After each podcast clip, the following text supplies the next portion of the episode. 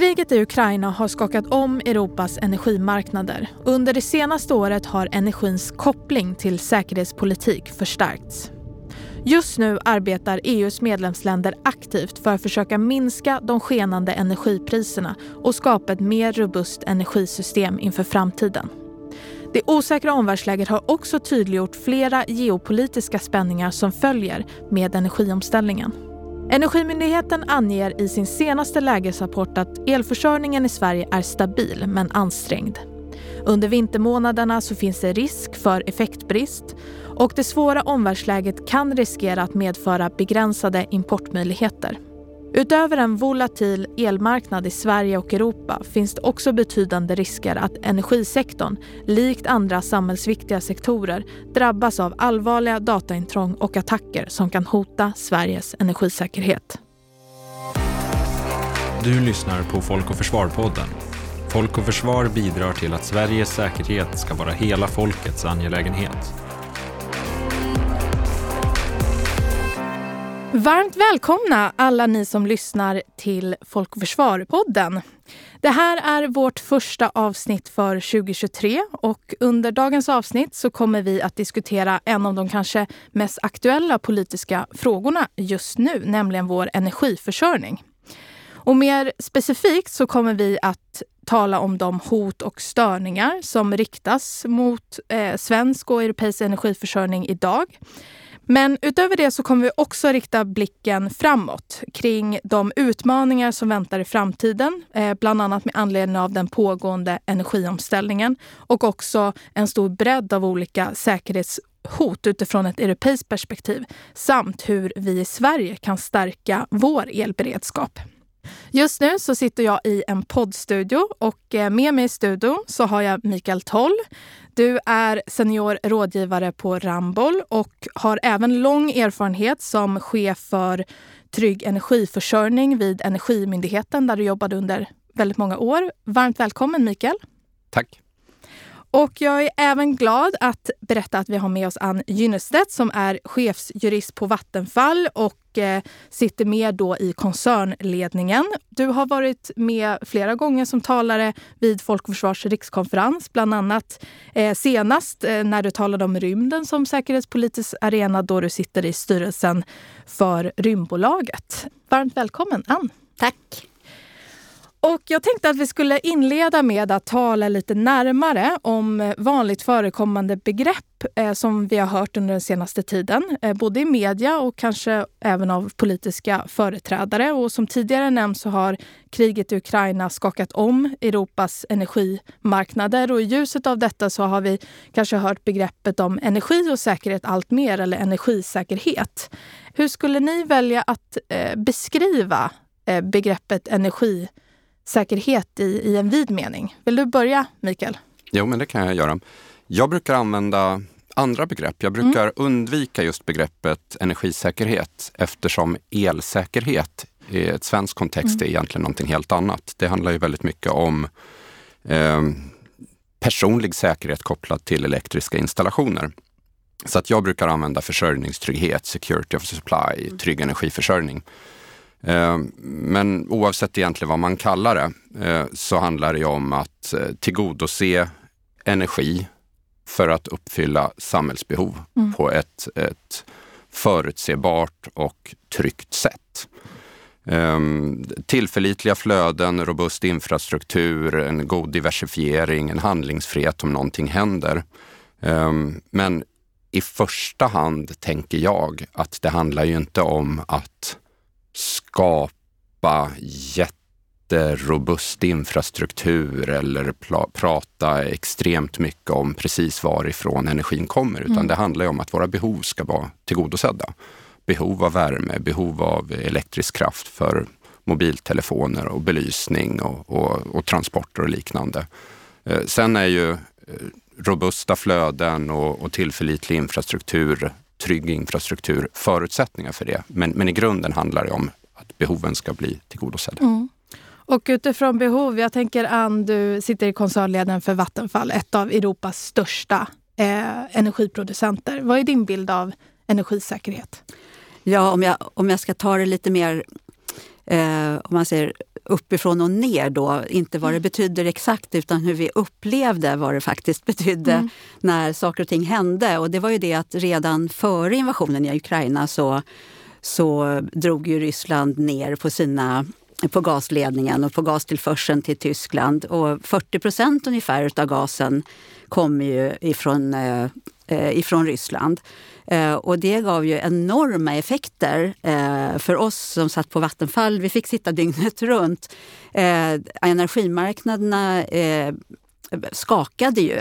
Och det liksom var nästan som en systemkris när bolagen inte längre kan handla med energin därför att priserna är högre än vad de någonsin har varit. Eh, och förstås att det drabbar alla elkonsumenter, både industri och individer. Eh, och det här fick vi sitta med på alla plan. Liksom eh, och försöka bemöta och bemästra och ändå klara mm. av så att systemet skulle fortsatt fungera. Och det blev så extremt tydligt hur väldigt sårbara vi är i Sverige men i hela Europa eh, när det här inträffade och att gaslagren var tomma och var skulle man få gasen ifrån? Eh, och sen hittas det lösningar, och, och men, men, det blev väldigt tydligt för oss att eh, vi är sårbara, alldeles för sårbara och vi behöver stärka den här säkerheten genom eh, att eh, vi behöver helt enkelt jobba med klimatomställningen och vi behöver producera väldigt mycket mer el än vad vi gör idag. Mm. Vi behöver öka takten på den. Så det var liksom den take vi mm. hade. Att vi har ett fundamentalt problem mellan supply och demand på, den här, på energiförsörjning. Mm. Och du var inne på det, eh, Anna, att redan innan invasionen så använde Ryssland. Eh, olja och gas som ett säkerhetspolitiskt eh, liksom maktmedel. Absolut. Och den här kopplingen mellan energifrågor och säkerhetspolitik det har ju förstärkts. Alltså vi hör allt mer om det sedan Rysslands invasion, fullskaliga invasion av Ukraina. Men också då inledande fråga. Hur har den här kopplingen, alltså just energibehov, olika energislag och eh, säkerhetspolitiska spänningar och säkerhetshot. Hur har den kopplingen sett ut om vi utgår från ett lite längre perspektiv, kanske utifrån en tioårsperiod. Eh, geopolitik då också inblandat. Eh, vad säger du Mikael? Ja, men det, jag kopplar an till mm. det ni pratade om, just det här att det här är inte något nytt och kriget är egentligen inte heller något nytt. För precis som du säger Ann, det här med gasen och gaslagren, alltså redan sommaren innan mm. så minskade ju Ryssland införseln av mm. gas till ryskkontrollerade gaslager på kontinenten. Det var ju någonting vi kunde se. Det finns ju mycket som gick att, att förutse och det, jag satt ju på Energimyndigheten då. Det här var ju någonting som vi bevakade och, och funderade på hur, hur kan vi hantera det med de verktyg som vi har? De har ganska få de verktygen. Mm. Och jag håller med dig helt och hållet att just det här att det finns en väldigt stor säkerhetsskuld, extremt stor säkerhetsskuld i energiförsörjningen, i samhället som ju bygger på väldigt många stora och små beslut under decennier som har lett till att det finns inte en, en så hög robusthet, tillförlitlighet, diversifiering i energiförsörjningen som vi skulle önska. Um, och det, det behöver man då åtgärda parallellt med en ökad elektrifiering parallellt med en industrialisering i Sverige, parallellt med en omställning av energisystemen så behöver man hantera både den här säkerhetsskulden och att höja nivån med en återupptagen planering för civilt försvar. Det är en otroligt stor utmaning som, som ligger framför samhället. Ehm, men om man då ska titta på din mm. fråga här med kopplingen. Jag skulle vilja säga att kopplingen mellan eh, det säkerhetspolitiska, geopolitiska och energisystem, det har alltid funnits. Alltid, alltid, alltid. Så länge vi använt energi så har det funnits. Oavsett om det har varit biodrivmedel eller kol eller olja eller gas eller el eller någonting sånt där. Ehm, men, men pendeln mellan välfungerande, trovärdiga internationella energimarknader och säkerhetspolitiska hänsyn, den svänger och har mm. svängt. Ehm, det såg annorlunda ut på 70 och 80-talens oljekriser och, och sådär. Men, men kopplingen har alltid funnits. Så jag skulle säga att vi behöver ett längre perspektiv än ett tioårsperspektiv. Mm. För trenderna är, trenderna är långsiktiga och möjligheten att parera och förebygga tar väldigt lång tid. Och samtidigt är beslutsfattandet idag och under många år har det varit väldigt reaktivt och man har inte alltid agerat tidigt när signaler har funnits. Jag nämnde till exempel då de här gaslagren, det har funnits andra signaler också. Eh, och vi ligger ju nu i återupptagen planering för civilt försvar, men det går ganska långsamt. Och, och, det är en viss skillnad upplever jag på vad man säger. Man säger att det här är viktigt och vad man gör.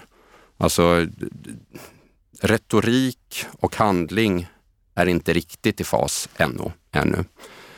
Så kan man säga. Mm. Eh, men energi är ett vapen, det har varit ett vapen, det kommer fortsätta vara ett vapen. Det är ett vapen för de som levererar energi, men det är också ett vapen skulle jag säga för oss som använder energi. Alltså vi använder ju sanktioner nu för att på något sätt både påverka Ryssland och minska, minska vapnets effekter på oss. Mm. Nej, men jag kan ju bara instämma. Jag håller helt med om det du säger. Och det här är inget nytt problem. Och nu pratar vi väldigt mycket säkerhetspolitik och totalförsvar men basen i det här är ju att vi måste bygga liksom långsiktigt och, och konsistent resilienta system. Det är inte bara för att vi ska ha det i händelse av beredskap och krig. Det ska vi dessutom tänka på. Men vi måste tänka säkerhet och, och motståndskraft när vi bygger upp samhället eh, totalt sett. Och, och, där har vi som du säger, alltså vi har en säkerhetsskuld som heter duga. Eh, eftersom vi faktiskt inte har byggt upp det på det sättet. Eh, mm. så, så, där kan jag verkligen instämma. Och sen när det gäller geopolitiken, den, den har ju varit eh, relevant men den har den har alltid varit relevant men den har förändrats till sin natur genom det här som har hänt nu. Eftersom vi har, eh, vi har tänkt väldigt eh, internationellt. Vi har, liksom, vi har tänkt att vi ska ha en global ekonomi. Och mm. Genom det här kriget så har vi tvingats att tänka på ett annat sätt. Vi måste tänka mera geopolitik. Eh, vilka partners ska vi ha? Vilka ska vi göra långsiktiga mm.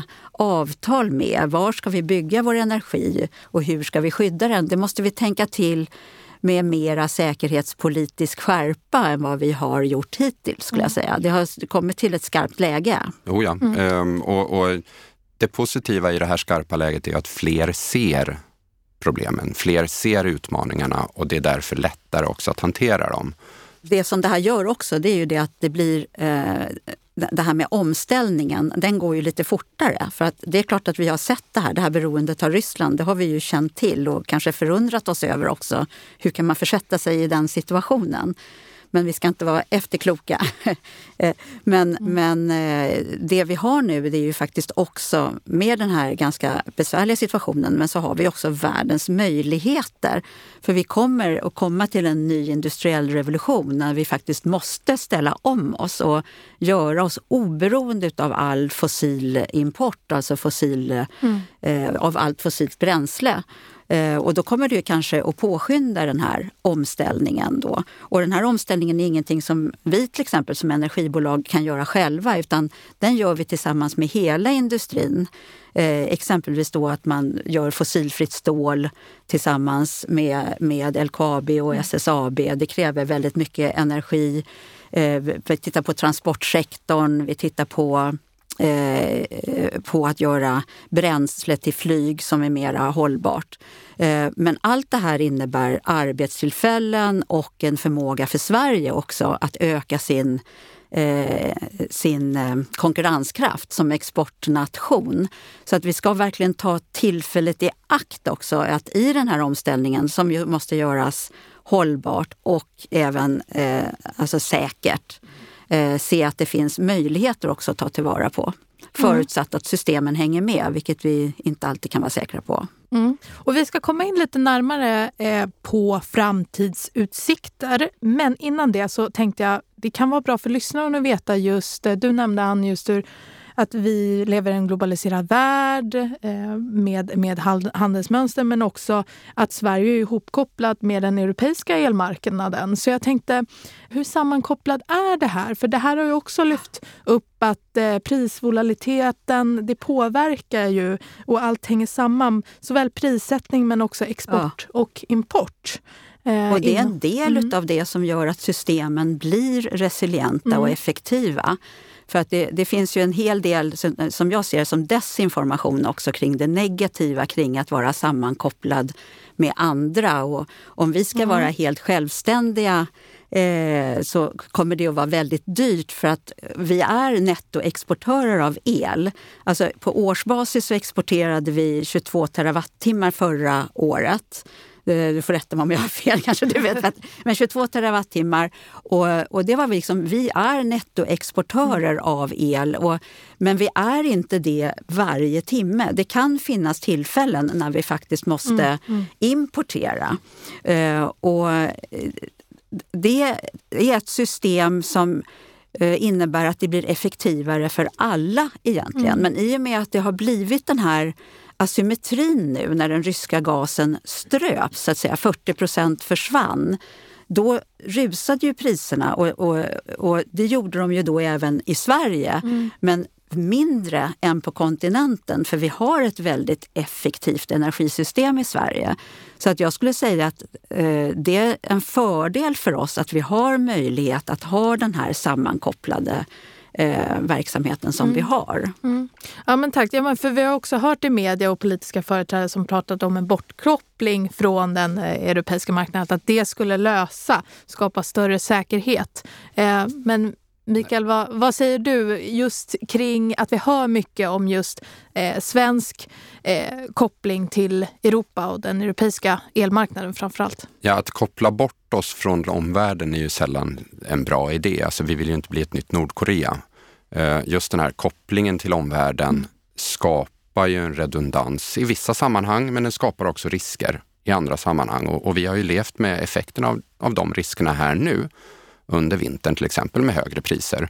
Ehm, men alternativet är ju att vi står helt själva om någonting händer. Så det, finns ju en, det finns ju en nivå av sammankoppling som är lämplig. Man kanske inte ska vara för sammankopplad och man ska inte heller vara helt okopplad med omvärlden. Ehm, det är den ena aspekten. Ehm, man kan ju titta på, det är ju flera, om, om man har de här sammankopplingarna så är det större geografiska områden som delar på risker. Och, och om det då är eh, riktigt allvarligt någonstans inom den här geografin, mm. inom Europa, ja men då är det fler som delar på risken. Alla känner av den, men alla kan leva med den. Och det är lite så vi har haft det den här vintern. Om vi inte hade delat på risken på samma sätt, ja, men då kanske det hade blivit väldigt mycket större konsekvenser någonstans. Ehm, det var ju så för många, många år sedan när eh, tidigare gaskriser i Europa när man inte hade dubbelriktade flöden på kontinenten på samma sätt som man har haft nu. Och då var det ju faktiskt folk i södra Europa som, som inte överlevde på grund av gasbrist. Och, och, och det har ju förbättrats med till exempel att man har kopplat ihop gassystemen på ett bättre sätt. Eh, sen kan man säga att sammankopplingen mellan olika energisystem i olika länder mm. får ju inte vara en ersättning till att man dimensionerar sitt eget energisystem utifrån de förutsättningar och behov man har nationellt. Och det är där jag menar just det här med eh, säkerhetsskulden som vi har haft. Att eh, sammankopplingen har ibland varit kanske lösningen snarare än att man har dimensionerat upp sitt eget energisystem. Mm. Och, och, det kan man väl också tillägga att skulle vi ha vårt eget energisystem så då skulle det bli dyrare för de svenska elkonsumenterna över tid så att säga. Eh, och eh, det skulle behöva komma från den politiska nivån i så fall om man skulle ha det som man, man kallar för island mode. Eh, det vill säga vara helt självständiga, mm. koppla loss sig. Mm. Du pratar om en säkerhetsskuld, Mikael. Och jag tänkte att vi skulle rikta blicken lite närmare mot svensk eh, elförsörjning. Ehm, och först, alltså vilka typer av störningar kan vi se mot, vårt, mot vår energiförsörjning i stort, Mikael? Oj, eh, det är en väldigt stor fråga. Ja. Men om man, om man snävar ner det, för jag tror, jag tror att om vi pratar el ja. framför allt mm. och så pratar vi elstörningar så brukar jag prata om tre typfall. Det är elavbrott, eleffektbrist och elenergibrist. Mm. Det finns andra och, och de är inte, de är inte helt liksom, vattentäta skott mm. mellan dem, men man kan ändå prata om dem som olika typfall. Elavbrott är ju att det är en avbrott på en ledning, lokalnät eller regionnät eller kanske till och med stamnät. Att elen inte kommer fram i ledningen. Det blir svart hemma hos mig i huset eller i en stad eller liknande. Eleffektbrist är ju mer momentant, att det finns inte en balans mellan den el som kan levereras till ett område och den elen som behöver förbrukas i ett område. Och då kan det bli effektbrist och det kan man hantera på Det finns en massa mekanismer och i, som sista utväg så är det att man kan behöva koppla bort elanvändare. Eh, och sen har vi elenergibrist och det är ju brist över en längre tid. Till exempel att vi har avstängda kärnkraftverk över vintern. Det är lågt med vatten i vattenmagasinen. Det har inte runnit till så mycket så att energin som finns sparad i systemet kanske inte räcker tills vattenmagasinen fylls på senare i vår. Och då kan man behöva liksom begränsa användningen över längre tid. Och då finns det förbrukningsdämpande mm. åtgärder. Vi har haft förbrukningsdämpande åtgärder här nu den här vintern. Det har informationskampanjer från myndigheter till exempel. Men den sista utvägen där skulle då till exempel kunna vara ransoneringslösningar.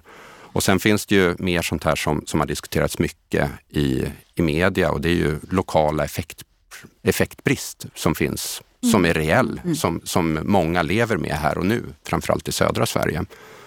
Mm. Mm. Och uh, utifrån de här störningarna var jag intresserad av att veta lite mer kring hur svenska offentliga aktörer arbetar med att stärka Sveriges elberedskap. Eh, men också eh, utifrån el och värmeproducenter, jag tänker som Vattenfall, vilken roll eh, man som producent också har. Så dels eh, offentlig förvaltning och ansvariga myndigheter eh, men också utifrån ett näringslivsperspektiv och ett producentperspektiv. Eh, dels i fredstid men också under höjd beredskap. Jag tänker Mikael, vill du börja prata som också har jobbat inom... ja, men det kan jag göra. Jag kan, jag kan börja. Nu är jag inte, jag är inte statlig. Eh, jag, jag jobbar på Ramboll. Eh, men jag har ju en viss erfarenhet och inblick, mm. eh, givetvis. Mm. Om man börjar i, i normal... Om man delar upp det vardag, kris och krig så kan jag säga just det här vardagen, men där finns, mm. det finns väldigt mycket som man behöver ta i. Mm. För det finns en underhållsskuld, det finns en, en, en säkerhetsskuld, det finns en dimensioneringsbehov vi var inne på det tidigare, vi ska elektrifiera väldigt mycket, vi ska elektrifiera transportsektorn, industrialisera. Det, det finns stora behov. Ehm, och det går för långsamt. Det finns mycket som behöver göras där. Mm. Det handlar om tillståndsprocesser och det handlar om eh, kompetens och det handlar om många, många olika mm. saker. Ehm, och där finns det ju, skulle jag säga, en, en större och större insikt. Ehm, hos myndigheter, hos bransch, hos eh, politiska beslutsfattare om att man faktiskt behöver göra. Och det finns ganska mycket förslag också. Vi i Ramboll har bara för några dagar sedan lämnat eh, policy recommendations eh, till, till, alla nordiska länder till exempel. Eh, det, finns, det finns mycket. Eh, men det gäller ju att gå från ord till handling och det gäller att göra det tillräckligt snabbt. Eh, om man tittar på krishantering eller totalförsvar så finns det ju eh, en återupptagen planering för civilt försvar som vi har pratat om. Men även där gäller det att gå från ord till handling. Många säger att det är viktigt, men, eh, och det har man sagt ganska länge, men, men det är inte så jättelänge som man faktiskt har jobbat med det som om det var viktigt. Och jag skulle säga att flera organisationer nog fortfarande har att ta det steget. Mm. Men vi har ju haft en, eh, en ansvarsreform inom civilt försvar till exempel, där man kommer lägga mer fokus på förmåga, ansvar och samordnad effekt tillsammans. Det är jättebra. Det tror jag eh, kommer, kommer underlätta. Sen har vi ju olika roller i myndighetsvärlden. Alltså vi har Svenska kraftnät, vi har Energimyndigheten, vi har Strålsäkerhetsmyndigheten, vi har Elsäkerhetsverket, Energimarknadsinspektionen och de har ju alla olika viktiga roller. Eh, Svenska kraftnät är ju elberedskapsmyndighet och stamnätsoperatör. De är jättecentrala mm för att hela systemet ska funka både i vardag och kris och höjd beredskap. Men Energimyndigheten har ju den här nya rollen som eh, beredskapssektorsansvarig myndighet där man ju ska försöka se till att det blir en gemensam förmåga, alla aktörer. Mm. Ehm, och här, här är det hårt arbete som ligger framför många mm. Mm. under lång tid framåt. Ja. Förhoppningsvis räcker det. Mm. Och jag tänker el och värmeproducenterna, hur kommer ni in det? Dels i fredstid men också i en händelse av höjd beredskap? Nej, men vi har ju i fredstid så har vi ju, vi har ju ett eh, åtagande så att säga att om det blir ett avbrott så har vi en skyldighet att återställa, att gå igång efter mm. 24 timmar. Annars så hamnar man i böter och annat. Så att det finns eh, eh, rätt hårda krav där. Men sen när det gäller eh, i mer i beredskapssammanhang och i, i kris och krig, där har vi ju, eh, vi har ju en stark försvarsvilja så att säga, inom näringslivet när det gäller relevant infrastruktur. Det är inte bara Vattenfall, även annan, eh, andra delar av industri och näringsliv eh, men här har vi ju faktiskt igen, som du var lite inne på eh, Mikael, att det finns liksom Eh, en, från näringslivet ett, en önskan efter tydligare direktiv, mm. tydligare krav eh, och även lite grann en svar på för sig den ganska skrämmande frågan hur detta då skulle kunna finansieras.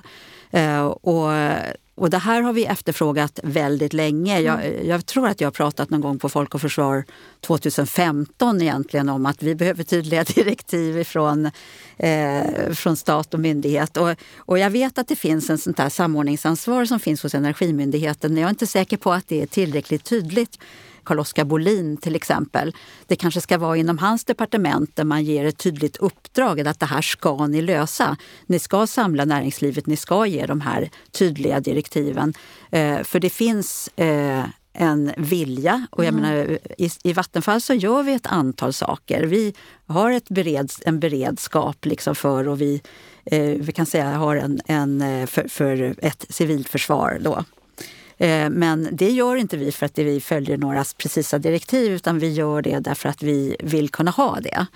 Eh, och vi vill kunna bygga upp det här på ett, eh, på ett kontinuerligt, men, kontinuerligt och holistiskt och som en del av vår strategi. Att vi ska ha en sån här resiliens helt enkelt. Men eh, jag tror att det är det som krävs också i näringslivet. Man måste lägga in resiliens och säkerhet mycket tydligare i det sätt på mm. man, vilket man verkar. Uh, och, och, och, det tror jag är någonting man kommer att behöva börja göra. Men som sagt, vi behöver mm. tydligare direktiv. Och bara en sista kommentar är också att eh, jag tror att det på något sätt finns en svårighet för myndigheterna att prata med näringslivet. Eh, myndigheter är lite som silos, eh, om jag ska sticka ut huvudet här lite nu. Men det, myndigheterna är liksom silos, upplever vi. De pratar heller kanske inte så mycket med varandra och pratar kanske inte så gärna med näringslivet. Ja, nej, men jag, kan, jag kan nog hålla med om det, men jag ska säga min egen personliga erfarenhet är ju inte den. Alltså jag har ju jobbat eh, väldigt mycket med andra myndigheter och väldigt nära bransch, branschorganisationer och, och företag. Ehm, men, men resultatet håller jag helt och hållet med om och, och behoven. Alltså det finns ju ett, ett, ett väldigt stort behov av en väldigt mycket tydligare funktionella krav. Vad är det vi ska sikta mot i det civila försvaret? Och det finns företag som Vattenfall till exempel, som, som jag vet har gått före och för många år sedan tittade på just vad är vår strategi för civilt försvar? Det är många andra företag som inte har gjort det ännu. Eh, men, men, flera aktörer är på väg. Vi har jobbat till exempel med, med drivmedelsbranschen som också har börjat jobba med, med det här på ett väldigt seriöst sätt. Eh, men det finns ju en gräns för hur långt eh, ansvarsfulla företag kan gå bara av eh, ansvar för Sverige. För det finns aktiebolagslagar att ta hänsyn till, det finns konkurrenssituationer, det är internationella företag och därför så behövs just den här tydligheten som du efterlyser, att man säger men det här är de funktionella krav. Ska du verka med en samhällsviktig verksamhet i Sverige så är det här de funktionella krav som gäller. Det här är lagstiftningen som gör det lika för alla.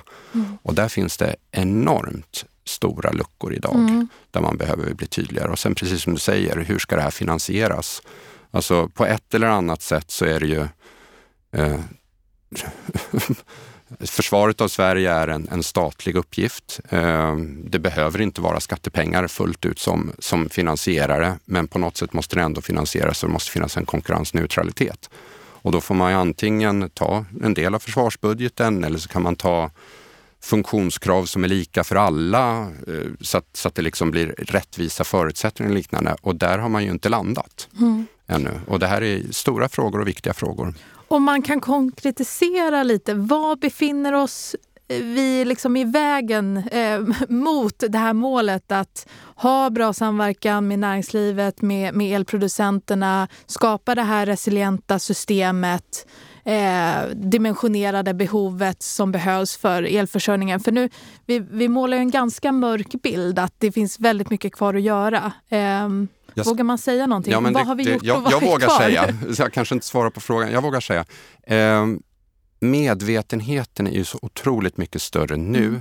eh, brett i samhället, än vad den var för bara några år sedan. Jag har jobbat med det här under väldigt lång tid och vi som har jobbat med att skapa medvetenhet och höja robustheten och liksom jobba både med det förebyggande och avhjälpande arbetet har ju mött ganska mycket motstånd under många, många år.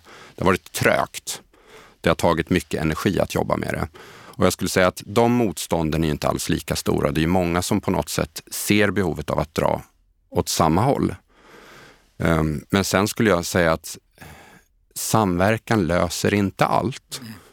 Det har varit väldigt mycket fokus i krishanteringssystemet på samverkan ehm, och då pratar man istället för att åstadkomma många gånger.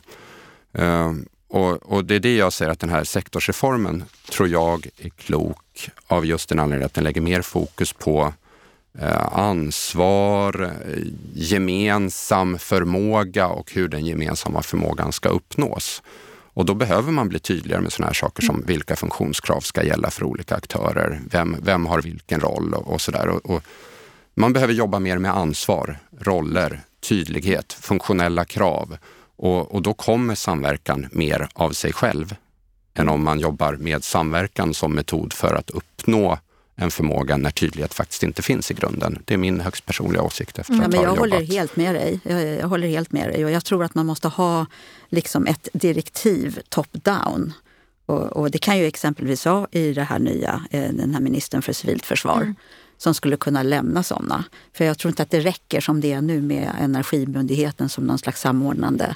Utan man behöver någonting tydligare. Det behövs ett system som funkar system. brett. Mm. Och där, men där har sektorsansvariga myndigheter, det kan vara Livsmedelsverket eller PTS mm. eller Energimyndigheten som jobbar nära branschaktörer, mm. ändå har en, en roll. Men, men det måste ju vara i ett större system där, där, där hela samhället på något sätt vet vart man ska gå, Just vad man ska sikta Och det här mot. är ganska nytt också, de här sektorsansvariga oh ja. myndigheterna. Oh ja. men, men, jag har ett konkret exempel eh, och det är ju det att vi vill ju, eh, eftersom vi vet att man, att man kommer att så vill jag industrialisera ganska mycket uppe i norra mm. Sverige. Mm. Mm. Och det kommer ju ge oändliga möjligheter för den svenska exporten eh, och, och göra Sverige så att säga, konkurrenskraftigt. Och, och, det har ju också att göra med försvaret, för man vill ju försvara någonting som verkligen är värt att försvara mm. också. Så att det är ett gemensamt intresse för aktiebolaget Sverige, så att säga. Men när vi då vill bygga vindparker exempelvis, både offshore och onshore, då kan det ibland ses som att det kolliderar med intressen från Försvarsmakten som kan tycka att de begränsas i sin, i sin verksamhetsutövning mm. på grund av det. Och, och, då vill ju vi ha en dialog med Försvarsmakten kring de här frågorna och se, okej, okay, kan vi hjälpas åt att lösa och hitta en lösning så att båda kan leva här? Att vi får energiförsörjningen i norra Sverige, men att försvaret fortfarande bibehåller de förmågor de behöver. Eh, och den dialogen, den, är nog, den kan man ju få fram genom att vi pratar med människor liksom på myndigheterna. Det är ju, det går ju, men sen det ska vara från liksom med hela myndigheten och få fram så att vi inte får ett nej när vi försöker med våra mm. tillståndsprocesser, vilket vi ju då har liksom motstånd där. Då är det mycket svårare att hitta de det fora som man skulle behöva då för att föra det samtalet. Och då måste det vara på en politisk nivå där man säger det här är vad vi vill åstadkomma för Sverige. Det här är det vi behöver för industri, för konkurrenskraft, för elförsörjning. Och det här är det som måste finnas i Försvarsmaktens förmågor. Mm. Men där är vi liksom inte. Så att de här tillståndsprocesserna de gör att vi i stort sett eh, har väldigt svårt att komma fram. Eh, och, och, och det, man kan inte säga att det här är Försvarsmaktens fel, att det är någons fel, utan här måste man på, från politiskt håll peka med hela handen och, och ta den här... Man kan inte säga att det är upp till Försvarsmakten eh, om det ska elektrifiera i Sverige. Eh, det är inte så det kan fungera. Vi måste se på helheten och se på mm. proportionerna. Ja, jag håller med och det är ju, det är ju jätteviktigt det du lyfter fram. Just det här att tillståndsprocesserna tar evinnerlig tid evinnerlig och de är svårförutsägbara. Och då måste man ju fundera på vad är tillståndsprocesserna där för? Mm. Eh, jo, men de är ju till för att se till att, att saker inte byggs som det inte ska byggas, men också att det görs på rätt sätt. Men någonstans måste man ju också se till att de är så pass anpassade så att vi faktiskt får den infrastruktur som vi behöver i den tid vi behöver. Och det är det inte idag. Um, och, och, en av mina käpphästar som jag brukar prata om det är just det här att vi måste våga se de målkonflikter som finns. Upp mm. med målkonflikterna på ytan. våga se att vi har vi olika mål. problemet. Ja, våga se Ja. att vi har olika mål som går i konflikt med varandra och sen så faktiskt försöka balansera dem Ja. ordentligt, eh, genomtänkt. När man har koll på både för och nackdelar med de olika målen och sen så gör ett, ett avvägt val så snabbt som möjligt i en process som är förutsägbar och inte drar ut för långt på tiden. Och där har vi som samhälle en, en bit att komma. Eh, du nämnde Ann tidigare vikten av resiliens och också vikten av eh, försvarsvilja för vår försörjningstrygghet, inte minst vår elförsörjning. Och Ukraina har ju visat eh, vikten av just detta, försvarsvilja och resiliens. Och eh, de har ju varit hårt drabbade av de ryska attackerna. Eh, FN uppger att eh, ja, man har förstört eh, hälften eh, av, eh, Ryssland har förstört hälften av landets totala eh, energiinfrastruktur. Eh, med det här eh, kriget i, i Sveriges närhet eh, eller närområde, vad skulle ni säga, finns det några särskilda lärdomar att dra eh, från kriget i Ukraina? Jag tänker också mot olika hot som kan riktas mot svensk energiförsörjning eller energiförsörjningen i andra eh, länder. Det har ju blivit väldigt uppenbart, och som du säger, det är inga nyheter, men det har ju blivit väldigt illustrerat att man, man eh, inriktar sig mot energiinfrastruktur som mål. Och att slå ut det, och slår man ut det av väldigt relevant infrastruktur för ett land, då blir det ju kaos och det skapar flyktingströmmar och det, eh, då får, försvinner försvarsviljan. Fast den har den inte gjort i Ukraina. Men, men det, det är uppenbart att, eh, att det är på det sättet. Och eh, Eh, jag tycker igen att eh, så som vi tänker så måste man se på hur vi bygger upp det här systemet robust från början. Det är inte bara att se på ja, men hur, hur ska vi göra när det blir eh, eller i beredskapstillstånd eller om det är ett krigstillstånd, utan vi måste se på att systemet måste vara robust i vardagen så som det byggs. Liksom. För att det, det är då samhället blir hållbart. Och sen när vi har de här beredskaps eller speciella tillstånden, som vi måste, då får vi anpassa oss till dem och, och dra bort saker.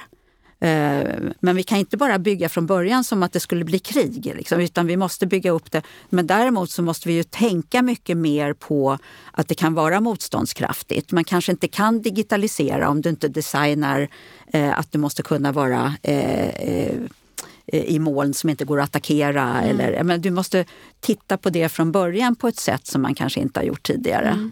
Men jag tror att man måste titta på att samhället i stort måste vara mer robust och stå emot bättre. Och sen får man ta bort saker. Ja, jätteklokt, jag håller med. Det är, alltså vi, vi måste ha ett mer resilient samhälle i vardagen. Alltså det är inte hållbart om eh, det inte är mer resilient, har, har mer buffertar, eh, mer reserver, eh, mer väldimensionerat eh, för att stå pall även för, alltså står vi inte pall för en vinterstorm så klarar vi inte av en, ett krig. Eh, och, så att det finns väldigt mycket som vi kan lära oss av, av det här kriget. Men precis som, som jag har sagt och som du sa, alltså det i grunden är väldigt lite nytt. Men kriget skapar en ökad förståelse bredare för de här hoten som finns. Eh, och jag skulle säga att, att just det här med försvarsviljan och det psykologiska försvaret, vi måste börja där.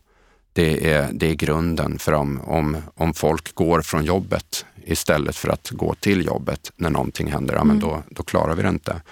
Eh, så att, och det visade sig även under pandemin med, med yrkesstolthet vid kris. Alltså att man måste, vi måste ha organisationer som är välfungerande, som är bra med en personalpolitik. Så vi kan börja där med en personalpolitik som funkar så att folk känner en ansvarskänsla.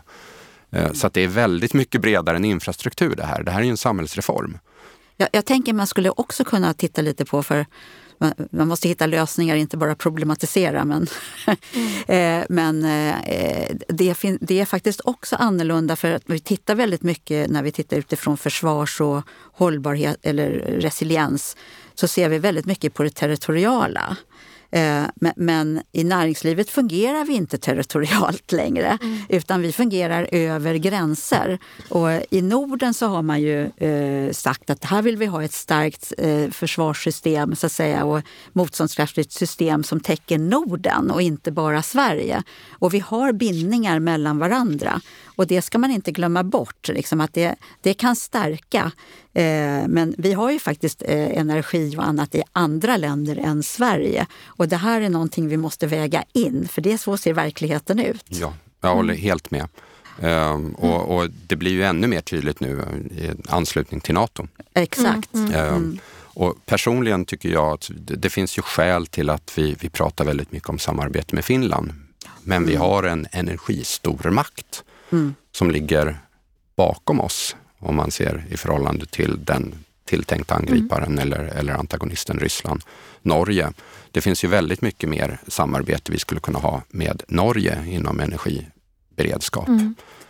Sen, sen, tror jag att Finland också är bättre än vi på att ha den här samordningen mellan myndigheter ja. och mellan mm. näringsliv och myndigheter. Så att jag tror att Finland kan vara en förebild för oss och någonting vi kan lära oss mm. av. Ja, mycket att lära från, från flera länder. Jag tänkte med Ukraina, där har vi sett fysiska angrepp. Men om vi stannar också kvar kring andra hot på längre sikt i en tid där vi ser allt eh, fler eh, och komplexa säkerhetshot. Jag tänker eh, kring bland annat cyberintrång, överbelastningsattacker mm. de typer av hoten. Hur kan mm. man jobba med det? Ni har ju varit inne på det, resilienta system. Men mm. finns det något konkret som ja, ni tror är jobbar, viktigt att göra på kort sikt? Vi jobbar väldigt mycket med det. Mm. Eh, och det handlar ju om att man måste medvetandegöra, som man säger. Här måste man ju medvetandegöra alla våra medarbetare i Vattenfall måste genomgå säkerhetsträningar. Eh, liksom hur ska vi, om, om du får en phishing-attack till exempel och så trycker du lite aningslöst på fel länk så kan du ju orsaka en enorm förstörelse eh, för företaget. Och då måste folk liksom bli medvetande om att ja, men det finns eh, hotbilder här. Och det finns hotbilder från olika aktörer. Det är både aktivister och det är länder framför allt på senare tid. Eh, och, och, och, kriminella grupper som bara helt enkelt vill, vill eh, tjäna pengar. Och de tjänar inte lite pengar på det här heller. Det är mera pengar än hela narkotikahandeln bedömer man att man tjänar på de här typerna av attacker. Så att vi jobbar systematiskt eh, med de här säkerhetsutbildningarna eh, utbildningarna och medvetandegöra. Men sen har vi också systematiskt också titta på att vi har ett ledningssystem som är baserat på säkerhet. Alla affärsområden ska ha klart för sig vilka är de stora riskerna som vi har och hur eh, åtgärdar vi dem? Hur jobbar vi med dem? Och sen ska man liksom hela tiden ha det här som ett hjul som går så att man, man jobbar strategiskt, man jobbar affärsmässigt och lägger in säkerhet som en del av det. Mm. Och, och, det är ett sätt att bli eh, mera motståndskraftig förstås. Eh, här och nu så finns det ju, alltså infrastrukturen har långa investeringscykler. Den, den lever länge och, och det, vi, det vi gör här och nu det får ju konsekvenser för 10 år, om 10 år, om 20 år, om 30 år. Så att eh, dagens sårbarheter i energiinfrastrukturen eller i all samhällsviktig mm. infrastruktur, eh, den finns ju där för att man fattade beslut för väldigt länge sedan. Ehm, och de besluten kan man inte göra så mycket åt. Däremot kan man ju hantera läget här och nu. Och precis som du säger så är det, då är det väldigt mycket medvetenhet och, och ledningssystem och, och, och, successivt beta av sårbarheterna.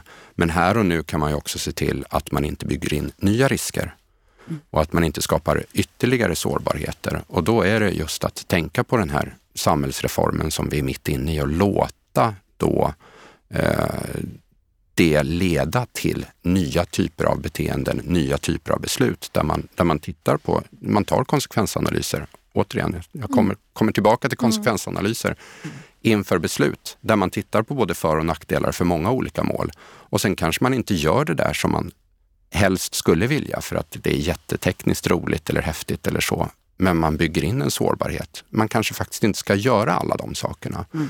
Man kanske inte ska ha för mycket just in time. Man kanske behöver ha kvar vissa redundanta anläggningar eller system fast det kostar lite för mycket i förhållande till eh, hur man tidigare gjorde sina kalkyler. För att långsiktigt är det det billigaste och mest hållbara.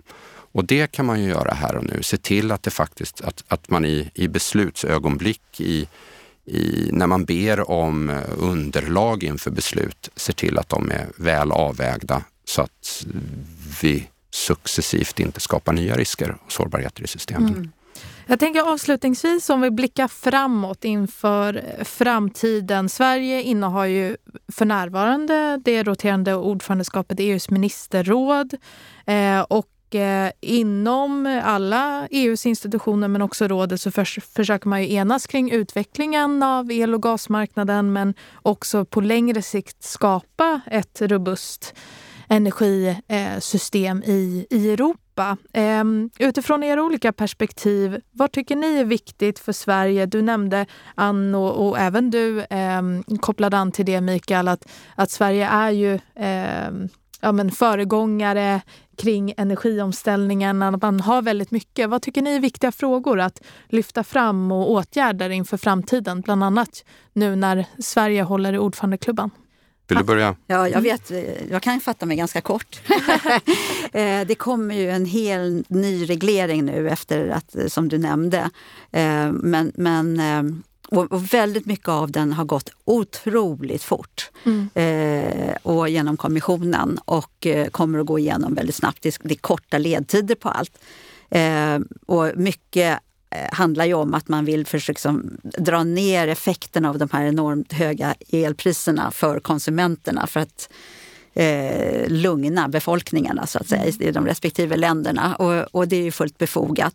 Eh, det, det, som kan vara problematiskt tycker jag, som man måste tänka på framför allt, är det att det, roten till det onda här nu, det är ju att det ligger en otrolig asymmetri. Det är utbud efterfrågan rimmar inte, för efterfrågan är så mycket större. Vi måste fokusera på att verkligen eh, bygga väldigt mycket ny fossilfri energi. Eh, både el och värme. Och för att göra det så måste det skapas incitament mm. för investeringar. Vi behöver investera väldigt mycket. Vi behöver bygga, och det är det som skapar robusthet, att vi får det här oberoende. Att vi behöver oberoende i Europa. Mm. För Europas oberoende är bra för Sverige också och vi behöver det i Sverige också. Vi behöver bygga mer och vi behöver säkerställa att de här regleringarna inte tar bort incitamenten att investera, vilket det kan göra om man är inne för mycket och petar i hur mycket man kan tjäna på att bygga parker till exempel. Så att se till att investeringsviljan finns kvar så att vi får det här robusta systemet mm. på plats. Känner du dig optimistisk inför den omställning som nu behöver ske med investeringar och att det kan ske i den takt som ni på Vattenfall men också andra energiproducenter eh, kräver för att det ska gå ihop? Eh, jag, jag, vet inte, jag känner mig inte optimistisk. Jag känner mig förhoppningsfull mm. att det ska fungera. Men som Mikael var inne på också, det är väldigt mycket hinder på vägen. It's a bumpy road. Liksom. Och, och bara tillståndsprocesserna. Man måste få med sig människorna här på att det här är rätt sak att göra. Men alla tittar ju liksom, inte i min bakgård vill jag inte ha det här. Eh, bygg helst ingenting alls som jag kan se. Mm. och, och så tillståndsprocesserna eh, behöver vi göra någonting åt. Eh, mm. För att om det inte vore så, vi skulle ha elförsörjningen mycket mer tryggad om vi visste att vi kunde bygga det som vi kan prospektera. Men det vet vi inte idag. Så tillståndsprocesserna, det, de bekymrar mig. Och eh, även att man har regleringar som gör att man inte eh, får investerare att börja bygga. Mm. Mm. Mikael? Ja, men jag, jag är inne på samma spår. Alltså det, och det är väldigt viktiga frågor. Eh, det förs väldigt mycket, alltså det, det pratas mycket nu om, om behov av omreglering av elmarknaderna, energimarknaderna. Och det stämmer, vi behöver successivt anpassa marknaderna så att de, de svarar mot dagens behov och morgondagens behov.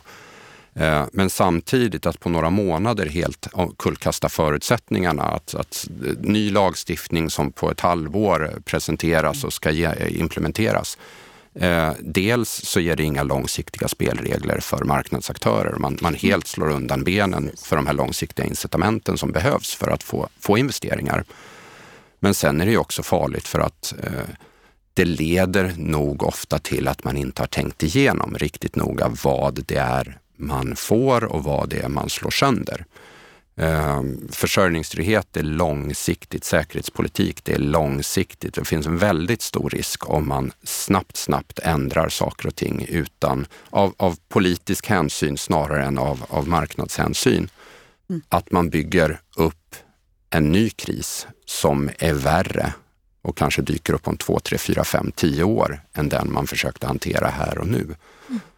Så att man, man behöver, det behöver ske snabbt samtidigt som det behöver vara genomtänkt och det behöver vara ganska transparent för aktörer som ska fatta investeringsbeslut eh, där investeringarna ska leda till infrastruktur som kanske ska leva i 20, 30, 40 år.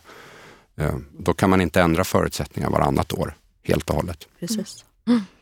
Tack så jättemycket för er medverkan i Folk och Försvar-podden, Mikael Toll och Anja Nestedt. Tack. Tack.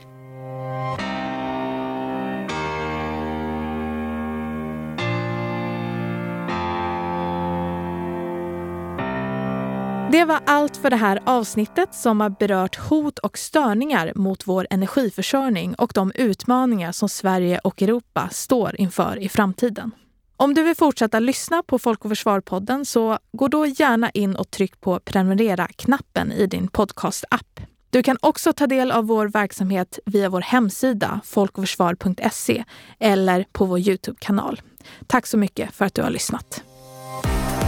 Du har lyssnat på Folk och Försvar-podden Podden är skapad av Hanna Wärland Fager. För att ta del av mer av vår verksamhet, besök vår hemsida www.folkochforsvar.se